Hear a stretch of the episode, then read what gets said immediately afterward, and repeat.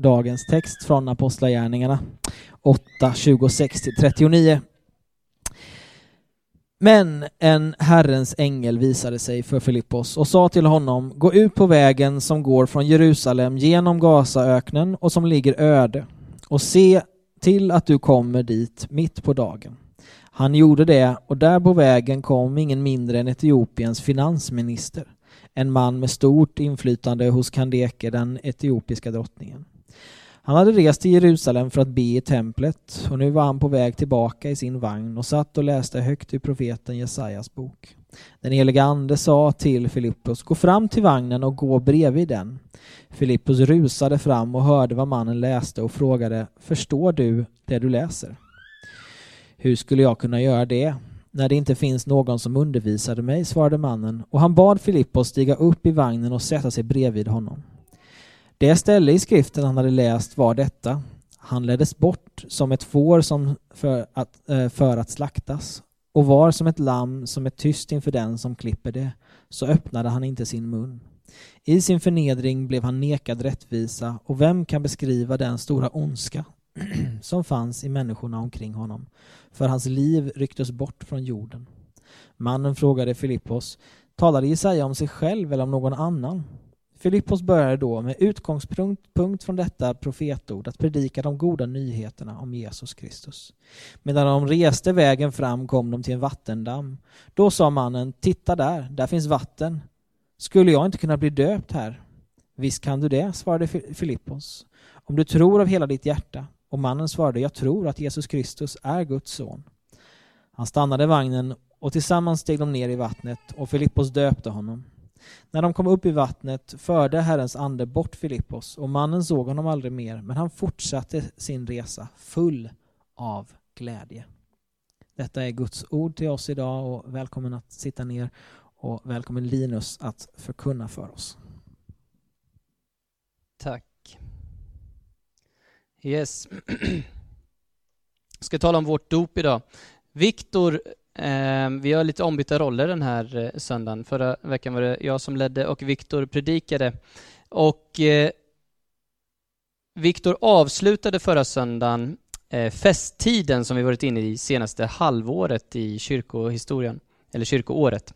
Ehm, det är därför vi har så många röda dagar i vår almanacka vilket är väldigt skönt. Det är ju lite upp och ner, man vet ju knappt vad det är för dag, eh, om man ska gå till jobbet eller om det är klämdag eller röd dag. Eh, men det är skönt innan sommaren så här. Förra söndagen då när Viktor predikade så predikade han om den treenige guden som vi fick möta där. Där judarna, de har alltid trott på Gud, en barmhärtig och rättfärdig Gud som ville att hans folk skulle leva efter hans bud. Men nu hade Gud sänt sin enfödde son till världen han hade blivit förkastad och korsfäst, men Gud hade uppväckt honom. Och Gud hade nu även utgjutit sin ande. Tack vare anden kunde apostlarna, som Viktor talade om, de enkla människorna predika med en sån övertygande kraft som fariseerna, de lärda, aldrig hade sett. Och det var ingen ny lära de kom med, då de hela tiden utgick ifrån Gamla Testamentet, så som vi såg i dagens text. Utan de predikade att någonting nytt hade kommit. Gud hade uppfyllt de löften som han hade gett genom alla profeterna. Löftet om Messias och löftet om Anden. Det nya som kommit var, upp, var alltså uppfyllelsen av löftena. Det nya som nu fanns var verklighet, inte bara ett löfte. Och det var Sonen och Anden. Apostlarna predikade alltså om någonting som faktiskt inträffat, något som gjorde att man faktiskt kunde känna Gud och komma till honom på ett nytt sätt som inte tidigare var möjligt. De predikade de texter som vi ofta lyssnar till, de som utgör förra hälften av kyrkoåret, den festrika tiden, och som vi alltså avslutade förra helgen. De händelserna som lagt grunden för ett li nytt liv, ett liv i tro på Fadern, Sonen och den helige Ande.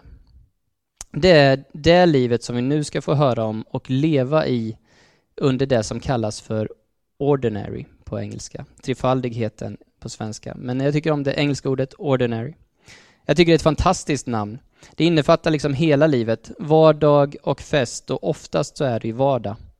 Men vilken förmån det är att inte behöva låta vardagen vara grå, även om det, den allt som oftast är det. Men, när vi, men här har vi livet i anden, ett äventyr och möjlighet till ett helt annat än vanligt liv. Och för mig så handlar det om ett tredimensionellt liv, eller det är så jag enklast förklarar det för mig själv. Och då kan vardagen vara lika spännande som festen. Det vardagliga talar om för mig hur naturligt det är. Vad är liksom det mest basic som vi har? Något som går av bara farten utan att vi måste tänka så mycket på det. Så vill Gud att livet med honom ska vara. Han ska få vara en naturlig del av det, alla delar i livet. Så det som har hänt under festtiden som vi har gått igenom nu är Guds stora försoningsplan där han uppfyllt alla de löften som getts genom Gamla Testamentet och slutit ett nytt förbund. I det gamla förbundet som var knutet till folket Israel gällde en massa lagar som nu inte gäller på samma sätt. Som alla lagar kring offer och regler kring trolovning och nedtrampad säd eller om en ko ramlar i din grop och så vidare. Ehm, och det finns även det som vi kallar för morallagen. Alla Guds bud om kärlek, rättvisa, barmhärtighet, godhet och hjärtats renhet. De gäller alltjämt, men inte som en väg till Gud och ett villkor för rätten att vara Guds barn. Den rätten har Jesus vunnit åt oss genom sin död. Den är skänkt åt var och en som tror på honom. Men som, väg, som en vägledning och en uppenbarelse av Guds goda vilja gäller alltjämt Guds bud och det är anden som hjälper oss förstå dem och göra dem glatt och villigt. Förr hade man behövt ta en omväg till Gud genom det gamla Israel, genom lagen, omskärelsen och offren. Men nu har anden fallit över allt folk. Gud har tagit upp även oss hedningar i sin kyrka och vi behöver inte omskäras. Vi behöver inte bli judar för att bli kristna. Det går nu en väg direkt in i det nya förbundet och den vägen är genom dopet och tron. Så till dagens tema i denna ordinära tiden och det börjar med dopet. Mänsklighetens kanske största fråga genom alla tider har varit hur blir jag frälst eller räddad? Eller snarare, hur får jag evigt liv? Och för de flesta är det nästan självklart att frågan gäller vad jag kan göra.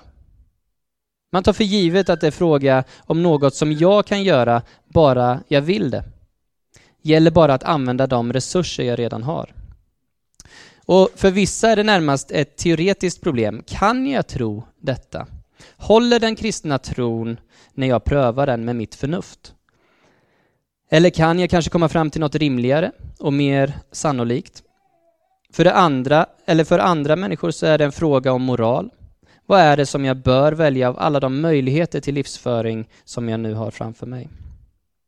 I båda fallen så tar man för givet att jag redan har de resurser som krävs för att bli en kristen, om jag nu väljer att bli det. Det är detta som är det stora misstaget, säger Jesus.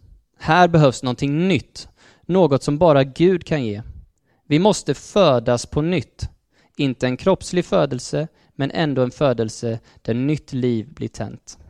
Det är ett Guds verk. Man blir född av vatten och ande. Vi läser Hesekiel 36 tillsammans. Eller tillsammans, jag läser.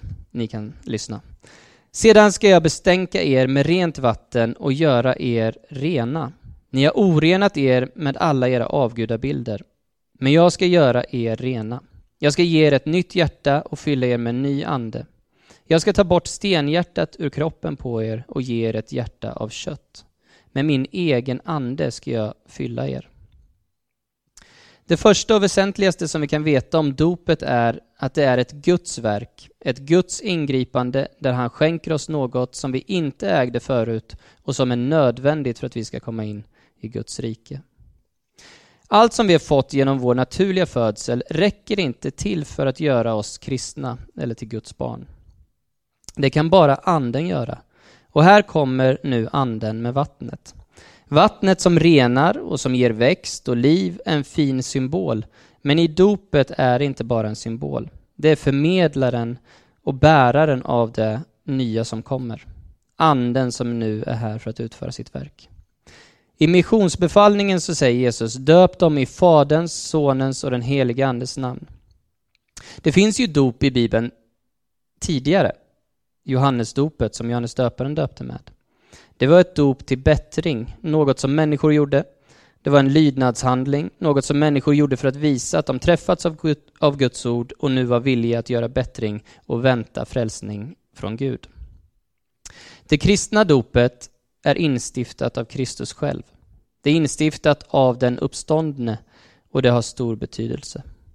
Det var först när Kristus hade lidit, dött och uppstått till försoning för världens synder som tiden var inne för dopet i Faderns, Sonens och den helige Andes namn. Det kristna dopet är ett frälsningens dop, det är något som Gud gör. Det kristna dopet är en utkårelsehandling, en Guds kallelse genom vilken man tas ut ur världen och kommer i förbindelse med Kristus. Jesus, den uppståndne, befallde alltså sina lärjungar att gå ut i hela världen, till alla folk och lovade vara med dem in till världens ände. Det var alltså en befallning som skulle gälla för all framtid och så länge den här världen står kvar. Evangelium, det glada budskapet, skulle predikas för alla folk och människor skulle göras till Jesu lärjungar och tas upp i hans kyrka. Vad innebär då dopet? Romarbrevet 6. Vet ni då inte att alla vi som har döpts in i Kristus Jesus också har blivit döpta in i hans död? Genom dopet har vi alltså dött och blivit begravda med honom för att, vi, för att också vi ska leva ett nytt liv så som Kristus uppväcktes från de döda genom Faderns härlighet. Ty har vi blivit ett med honom genom, en, genom att dö som han ska vi också bli förenade med honom genom att uppstå som han. Vi vet att vår gamla människa har blivit korsfäst med honom för att den syndiga kroppen ska beröva sin makt, så att vi inte längre är slavar under synden.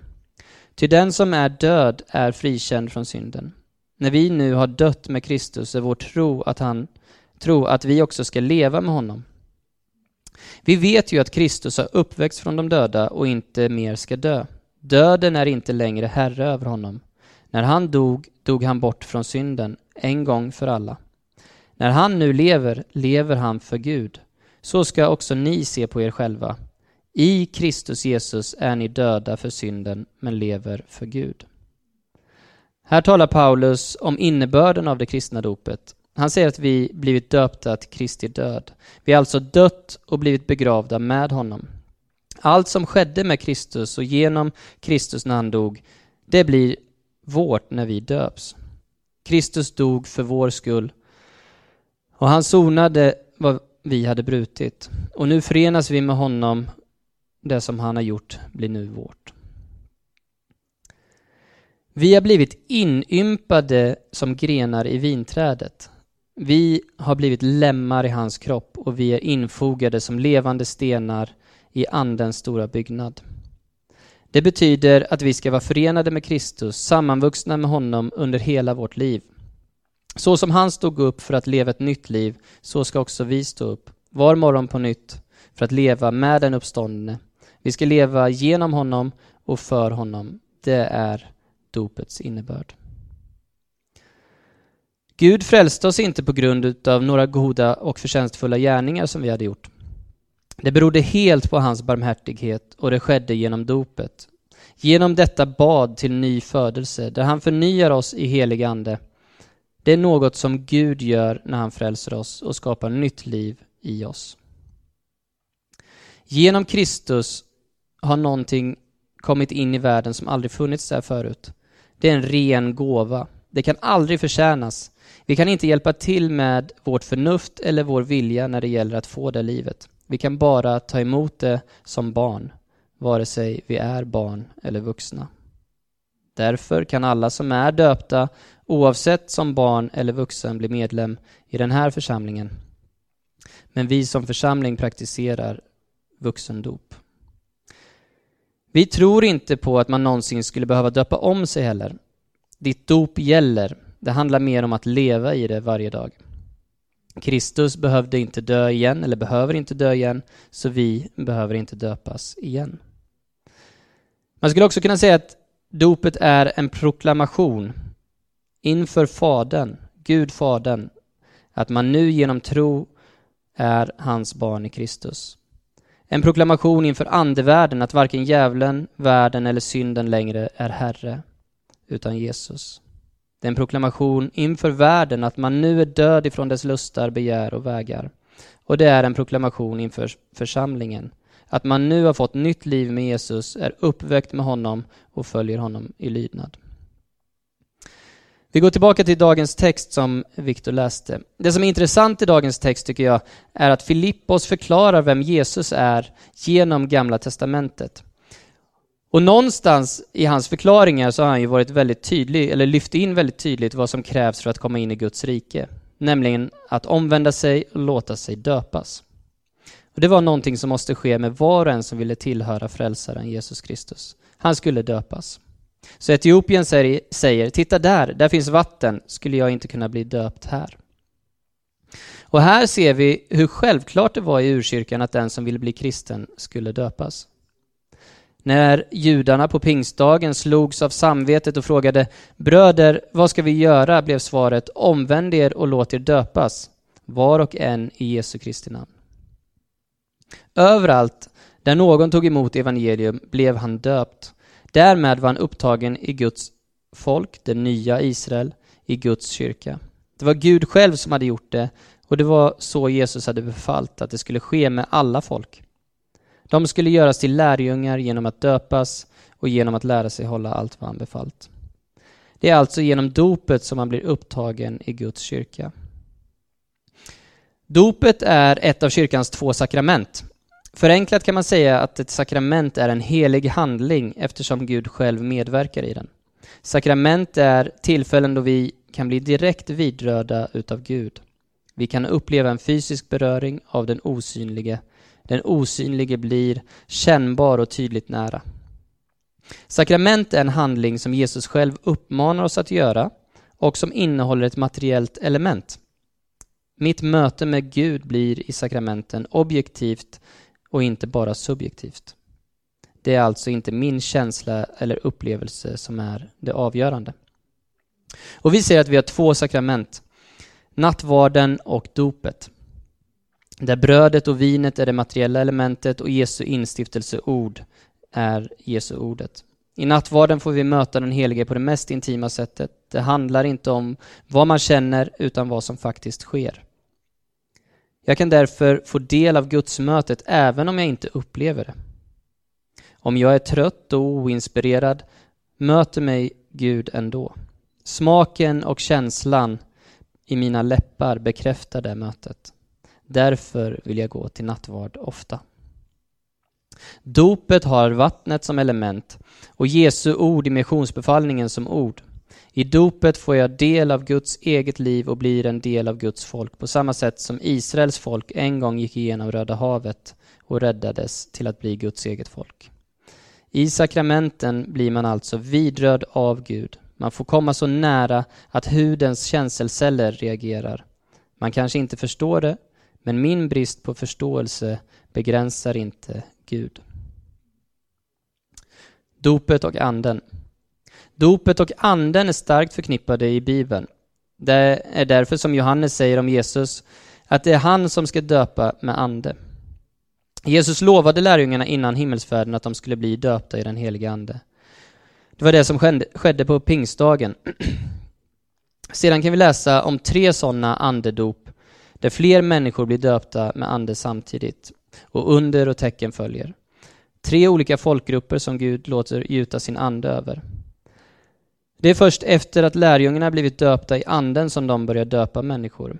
Och ingen enskild person får ett eget andedop likt lärjungarnas i skriften, utom genom ett, sitt Kristusdop. Alltså, dopet är även ett andedop. Vi läser Titus 3. Men när Guds, vår frälsares godhet och kärlek till människorna blev uppenbara räddade han oss, inte därför att vi gjort några rättfärdiga gärningar, utan därför att han är barmhärtig. Och han gjorde det med det bad som återföder och förnyar genom den helige anden.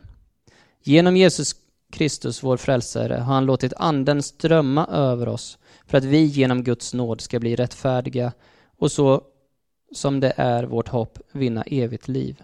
Det är ett ord att lita på. Och vi läser första Korinthierbrevet 12. Ty liksom kroppen är en och har många delar och alla de många kroppsdelarna bildar en enda kropp, så är det också med Kristus. Med en och samma ande har vi alla döpts att höra till en och samma kropp, vare sig vi är judar eller greker, slavar eller fria, och alla har vi fått en och samma ande att dricka. Anden kommer inte som en egendom som jag förfogar över utan som en livsström som jag ständigt måste ta emot. Vi blir inte fyllda av anden en gång för alla utan vi måste fyllas ständigt på nytt. Men i dopet blir vi vigda till ett andens tempel där han vill bo och dit han kommer om vi låter hjärtats portar stå öppna. Så hur ska man summera det här? Det är ett Guds verk, ett Guds ingripande där han skänker oss något som vi inte ägde förut och som är nödvändigt för att komma in i Guds rike. Det är som med nåden, vi kan inte göra någonting för att förtjäna den. Och lika lite kan vi göra något i det undre som sker i dopet. Dopet är även ett andens dop. Anden är inget som vi sen äger, utan vi behöver leva i det dop vi har haft och låta hjärtat vara öppet för anden. Dopet är ett sakrament, men vi behöver bara döpa oss en gång, inte så som med nattvarden som vi tar varje söndag. Vi har blivit inympade som grenar i vinträdet, vi har blivit lemmar i hans kropp, vi är infogade som levande stenar i Andens stora byggnad och upptagna i hans kyrka. Jesus befaller det också. Det är en proklamation inför Gud, andevärlden, världen och församlingen. Min egen erfarenhet utav eh, dopet jag, eh, jag väntade längre än vad folk tyckte. Ehm, och det var nog mest för att folk hade en åsikt som jag väntade. Eh, det är så jag funkar ganska ofta. Eh, jag var pastorsbarn ehm, och då har ju alla en, en åsikt om, om det. Men tiden innan dopet ehm, så hade jag haft en hel del andliga upplevelser och, och ja, upplevt Gud på ett, på ett fantastiskt sätt. Och, det var den ena sidan av livet och sen hade livet också tagit en annan vändning så det hade gått åt lite två olika, olika håll. Men jag var 15 när jag döpte, lät döpa mig. Och det var en fantastisk upplevelse eh, som jag inte kan riktigt förklara. Alltså jag älskar ju vatten men det hade ingenting med det att göra. Det här var någonting helt annat, det går inte att förklara.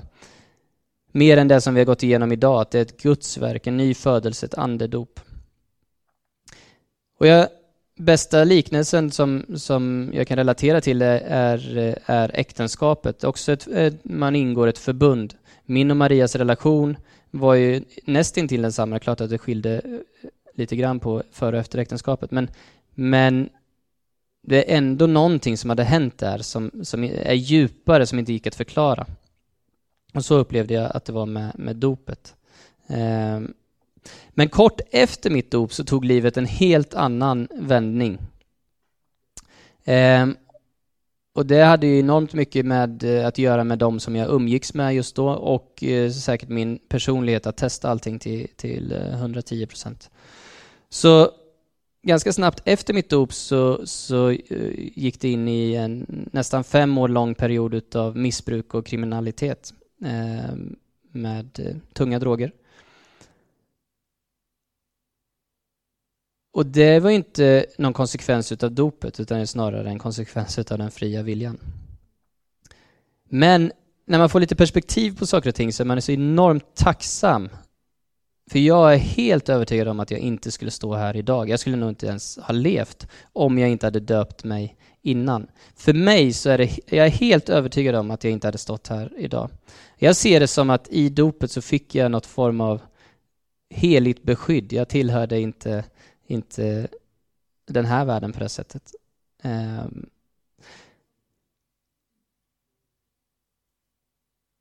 ja, så det är, alltså för mig så har dopet varit enormt viktigt. Och sen så efter de här åren så blev det givetvis en, en, eh, en lång resa tillbaka, det tog lite tid. Ehm, men så är det ju för oss alla, att vi rör oss ju framåt och man får lära känna Gud mer och sanningen mer och så vidare. Och relationen med Gud får växa. Och här får ju jag välja att leva i mitt dop varje dag. Stå upp på morgonen som en ny skapelse i Kristus, ett heligt tempel för anden, en lem i hans kropp. Så min uppmaning är att är du inte döpt, döp dig. Och är du döpt, så lev i ditt dop varje dag. Amen.